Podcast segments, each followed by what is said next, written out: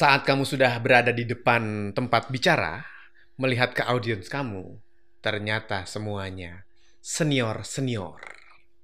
Senior itu berarti dalam usia ya, senior ya.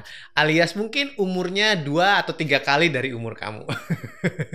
Ada gentar nggak? Ada pasti. Dan itu bisa terjadi ketika kamu harus bicara ke mereka-mereka yang lebih tua sebagai audiens. Misalnya kayak mau sidang skripsi, tuh kan dosen-dosennya kan senior-senior. Bukan cuma kakak senior, tapi dosen senior. Udah dosen, senior lagi.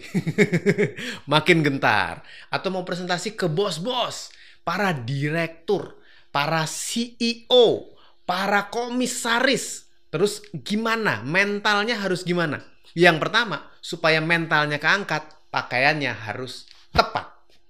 Makanya saya pakai jas nih, pakai blazer. Karena ini untuk menunjukkan rasa hormat kepada mereka-mereka yang lebih senior. Jangan cuman kaosan, jangan pakai celana pendek. Ngapain juga pakai celana pendek ya? eh, datang ke rumah apa gimana itu ya? Pokoknya intinya adalah pakaiannya harus dibuat sedikit lebih formal untuk menghormati mereka. Ini kecuali ada hal-hal lain ya, misalnya nggak apa-apa pakai baju apa aja bebas gitu. Atau memang dalam kondisi sesantai-santainya it's a different story. Tapi kalau dalam kondisi normal maka pakaiannya harus lebih formal lebih rapi batik boleh supaya mereka lebih nyaman juga. Kan intinya sebagai pembicara kita harus bisa menyamankan audiens kita. Harus bisa sesama mungkin.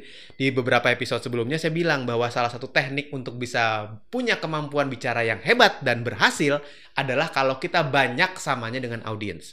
Kalau ur untuk urusan umur ya, untuk urusan usia kan nggak mungkin disamain. Masa tiba-tiba kamu tampil rambutnya diputih-putihin, terus dikasih kerutan-kerutan, kan nggak mungkin, nggak gitu juga kan, that's not the point ya. Tapi harus dengan cara lain ya, paling tidak pakaiannya disamakan dengan pakaian yang mereka gunakan untuk menghormati mereka. Yang berikutnya adalah bahasanya harus disesuaikan dengan bahasa mereka. Ini senior-senior apakah juga berarti mereka senior dalam pendidikan? Karena semakin tinggi tingkat pendidikan audiens kamu, maka harus semakin lebih banyak data, fakta, angka, riset, teori yang kamu sampaikan saat kamu presentasi semakin tinggi tingkat pendidikannya ya. Beda kalau senior tapi tingkat pendidikannya nggak tinggi itu lain lagi tekniknya. Tapi yang selalu sama adalah kecepatan bicaranya lebih dipelankan. Sadar nggak sih guys kalau senior-senior itu ngomongnya biasanya lebih pelan, kecepatannya ya, speednya ya, dibanding milenial, dibanding generasi Z. Apalagi alpha ngomongnya cepat bener tuh ya. Sehingga kalau kamu bicara ke mereka, tahan jangan terlalu cepat. Ini nggak ada hubungannya sama kecepatan berpikir ya, bukan loh, bukan loh.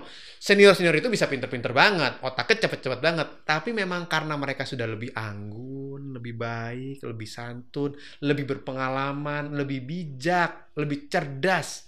Mereka memilih kata lebih teratur. Itulah kenapa orang-orang yang lebih senior biasanya ngomongnya lebih pelan. Karena apa pun yang mereka katakan dipikirin dulu bukan ngomong dulu baru mikir. Jadi diatur kecepatannya. So, slow it down. Jangan cepet-cepet. Memang normalnya 120 kata per menit normalnya ya. Tapi kalau yang di hadapan kamu lebih senior coba dipelankan. Yang berikutnya adalah kasih kesempatan mereka juga untuk bicara atau berdiskusi. Seperti pengalaman saya di Surabaya, saya pernah ketemu dengan mereka-mereka yang jauh lebih senior dibanding saya. Mulai dari umur sampai tingkat pendidikan, bahkan juga pengalaman.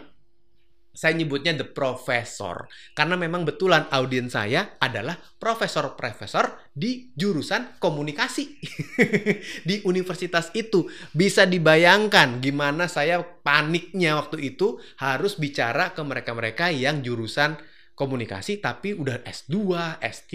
Sementara saya hanya lulusan teknik mesin Universitas Trisakti. Kagak ada hubungannya juga sama materi komunikasi. Dan iya, mereka pasti mempertanyakan big question. Ini Hilbram bisa apa? Kenapa tiba-tiba Hilbram harus menjelaskan tentang teori komunikasi ke kami? Jadi yang ngundang saya itu bukan mereka, yang ngundang saya panitia. Nah, nggak tahu kenapa panitianya iseng mengundang si dosen-dosen senior ini. Pucet lah ya. Tapi saya tahu bahwa mereka-mereka itu adalah orang-orang yang sangat peduli terhadap ilmu komunikasi. Mereka adalah juga orang yang memiliki banyak teori terhadap ilmu komunikasi.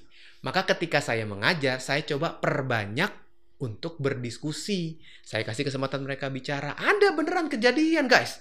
Ada ibu-ibu, nenek-nenek ya, yang angkat tangan nanya, "Mas Bram, ini teorinya teori siapa, Mas Bram?" gitu. Saya harus jawab, "Bu, ini teori uh, belum saya jawab dia udah bilang sebab ada teori ini teori ini teori ini dalam komunikasi ada ilmu ini ilmu ini ilmu ini Wah, jago banget teori saya berdasarkan dari apa dari saya. Makanya setelah itu saya nulis buku kan. Saya nulis buku buku saya yang ketiga buku pertama saya tentang komunikasi yang ini. Saya kasih judul My Public Speaking. Supaya kalau ada yang tanya teori siapa? Ya saya jawab My Public Speaking. Teori saya. Kalau punya teori sendiri bikin buku aja sendiri gitu kan. Nah jadi kasih kesempatan mereka untuk bicara. Selama selama apa yang apa pun yang mereka sampaikan itu make sense buat kamu dan searah dengan ilmu kamu itu boleh jadi maksudnya mereka juga menunjukkan kalau komunikasi itu harus ada bahasa tubuhnya, kalau komunikasi itu harus bermain intonasi, harus ada aksentuasi penekanan misalnya begitu ya. Ini kan kurang lebih sama dengan materi yang kamu sampaikan. Ya kasih kesempatan. Karena memang kita harus hormati mereka. Di kesempatan yang lain, beberapa waktu yang lalu saya sering berkali-kali bertemu dengan para direktur utama, para komisaris kasih pelajaran e, berbagi teknik komunikasi ke direktur utama, komunikasi, pemimpin perusahaan, calon pilkada, anggota dewan gitu. Mereka-mereka sudah senior-senior. Nah, ketika sampai ke tingkat usia yang segitu, mereka tuh bukan hanya belajar sekedar dasarnya dan teori saja tapi mereka lebih nyaman ketika terjadi interaksi dan komunikasi timbal balik antara kamu dengan mereka. Karena kebutuhannya sudah sangat spesifik, guys. Para leader ini kalau saya ngajar ke direktur dan komisaris, pasti saya tanya dulu, ini tujuannya untuk apa, Pak? Apakah untuk bertemu dengan media? Apakah untuk sebuah komunikasi organisasi? Apakah untuk sebuah komunikasi ke masyarakat luas untuk mendapatkan perhatian masyarakat untuk mendapatkan pemilih gitu?